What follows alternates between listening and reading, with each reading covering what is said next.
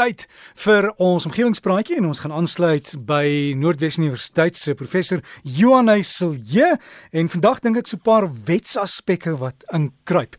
Goeiemôre Johanay. Goeiemôre Derrick, omgewingsvriende. Ja, en nou, ek, Derrick, ek, ek, ek hierdie week kongres gehou. Ja. Saam met die NWU kollegas daar by regte en selfs kollegas van die Vrye Universiteit in Berlyn. En ons het gesels oor stede en omgewingsreg en volhoubaarheid. So ek het gedink ek wil vanoggend sommer 'n bietjie aansluit daarbey. En natuurlik, dit is komplekse onderwerpe wat wêreldwyd onder bespreking is. Um juis omdat ons sien hè hoe biodiversiteit die laaste paar dekades afgeneem het, na mate menslike aktiwiteit toegeneem het. So hierdie kongres en die navorsing wat aangebied is, um, vorm basies deel van 'n leerstoel in stede en regte en omgewingsvolhoubaarheid. En dit is onder leiding van Prof Anel Du Plessis by die NWU. Um, en sy is natuurlik een van ons land se voorste omgewingsregkenners. En nou met befondsing van ons land se nasionale navorsingsstigting en saam met ons Duitse kollegas kon hierdie kongres gratis aangebied word en dis nogals iets wat nie algemeen is vir akademiese kongresse nie. Ehm um, maar dit het ons nou die geleentheid gegee om baie belangrike gesprekke te kon voer oor die toekoms van die omgewing en omgewingsreg en natuurlik ook dan nou wat ons rol is in hierdie strewe na 'n volhoubare toekoms. En een van die aanbiedings waaroor ek spesifiek vir oggend 'n bietjie inligting wil deel, is gegee deur Prof Louis Potse en hy het gepraat oor stede in die antroposeen. So dalk net 'n bietjie konteks te gee, Derek, die woord antroposeen is geskep in 1995 deur 'n Nobelpryswenner genaamd Paul Crutzen en sy kollega Eugene Stumer. En dit is 'n woord wat die tydvak benoem waarin die mens basies 'n vernietigende en 'n oorweldigende uitwerking op die aarde en op die aarde se stelsels het. So antroposeen is 'n samestelling van die Griekse woord anthropos wat mens beteken en dan seen of kainos in Grieks wat nuut of onlangs beteken. So in hierdie geo-ekologiese konteks beteken dit 'n nuwe tydperk waarin die mens die geologiese epok oorheers. So gedurende vroeër geologiese tydperke was die mens baie minder sentraal en invloedryk op die natuur en op die omgewing. En eintlik moes die mens maar nog altyd aangepas het by die omgewing. Maar nou met die antroposeen sien ons nou ons het gevorder na 'n tydperk en 'n situasie waar die omgewing nou moet begin aanpas by ons as mens en die invloed wat ons as mens op die omgewing het. So in plaas van dat mense deur die natuurkragte verander word, beteken die antroposeen die era of die epok waarin die mens die aarde en sy stelsels begin verander.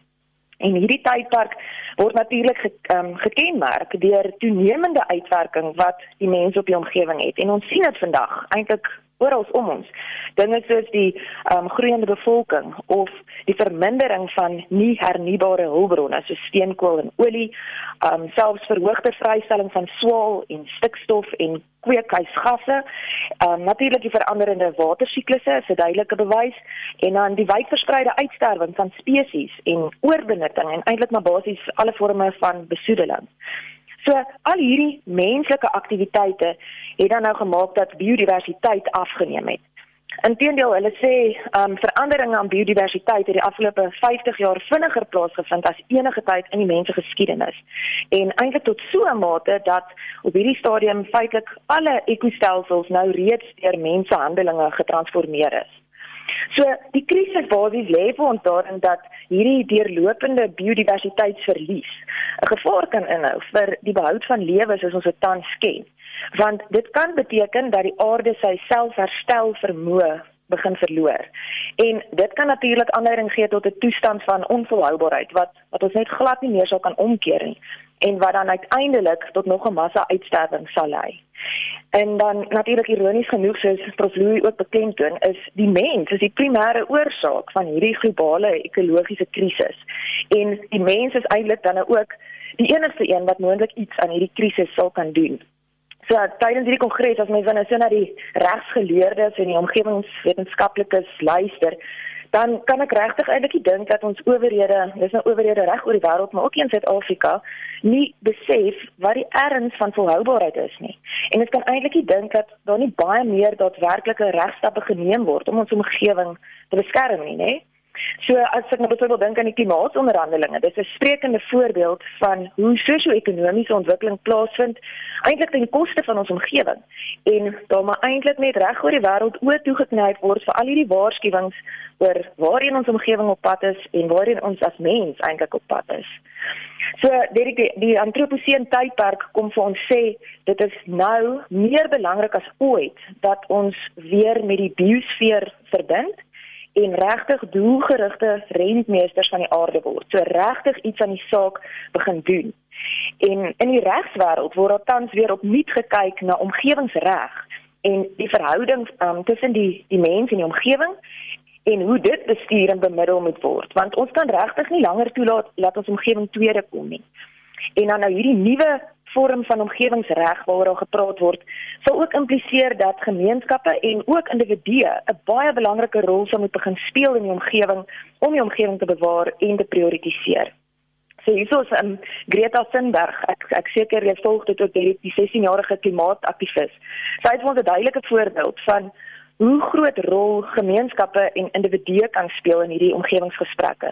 So sy het dit natuurlik reg gekry dat politici en selfs die Europese Parlement na haar geluister het en sy mobiliseer tans duisende skoolleerdlinge om druk te plaas op owerhede om erns te maak met hierdie klimaatonderhandelinge. So 'n voorbeeld van wat ons as individue ook kan doen in hierdie hele gesprek. Dirk Madami as groen gedagte die antroposeen tydvak waarin ons beweeg of hierdie epog waarin die mens oorheers dit kan vir ons regtig baie ernstige gevare inhou. So dis nou die tyd dat ons as gemeenskappe en veral omgewingsvriende moet druk plaas sodat ons omgewing geprioritiseer word en om omgewingsreg so te bestuur dat die mens heers, maar nooit die omgewing oorheers nie. Hmm. So dit is vir ons 'n uitdagende doel, maar iets waarvoor ons nou moet streef. En Johanay, ons gaan ook seker in die toekoms sien dat mense gesamentlik hofsaake sal maak en hofgedinge teen maatskappye wat goed soos die faalstelsel uh, beïnvloed en vervuil, jy weet, want iemand moet hulle stop, né? Dit is so, Derek, ons sien dit al hoe meer en dis nou juist daai nuwe vorm van omgewingsreg en ons as omgewingsvriende wat daai moet steun en moet regtig nog meer druk laat ons laat ons ons, ons omgewing kan begin help en beskerm. En baie geluk vir die verjaarsdag gister, hoor. Baie dankie Derek. Jonai, baie dankie alles van die bes en geniet die naweek. Ek hoop jy is darm goed bederf. Baie dankie Derek, ek maak se en dankie vir almal se boodskappe ook op ons Facebookblad en e-posse die dag baie spesiaal gemaak. Ek waardeer. So gesels ons saam met professor Johan Huisel hier van Noordwes Universiteit as jy wil boodskappe stuur. Um, ons het die e-posadres is omgewingspraatjies die meervoud by gmail.com omgewingspraatjies by gmail.com en op Facebook omgewingspraatjies die groep. En jy kan ook daar gaan sien maar jy kom op 'n baie mooi omgewingsstorie af. Stuur dit vir ons plaas dit daar jy weet en dan kan ons dalk in die toekoms gebruik. So gaan soek op Facebook vir omgewingspraatjies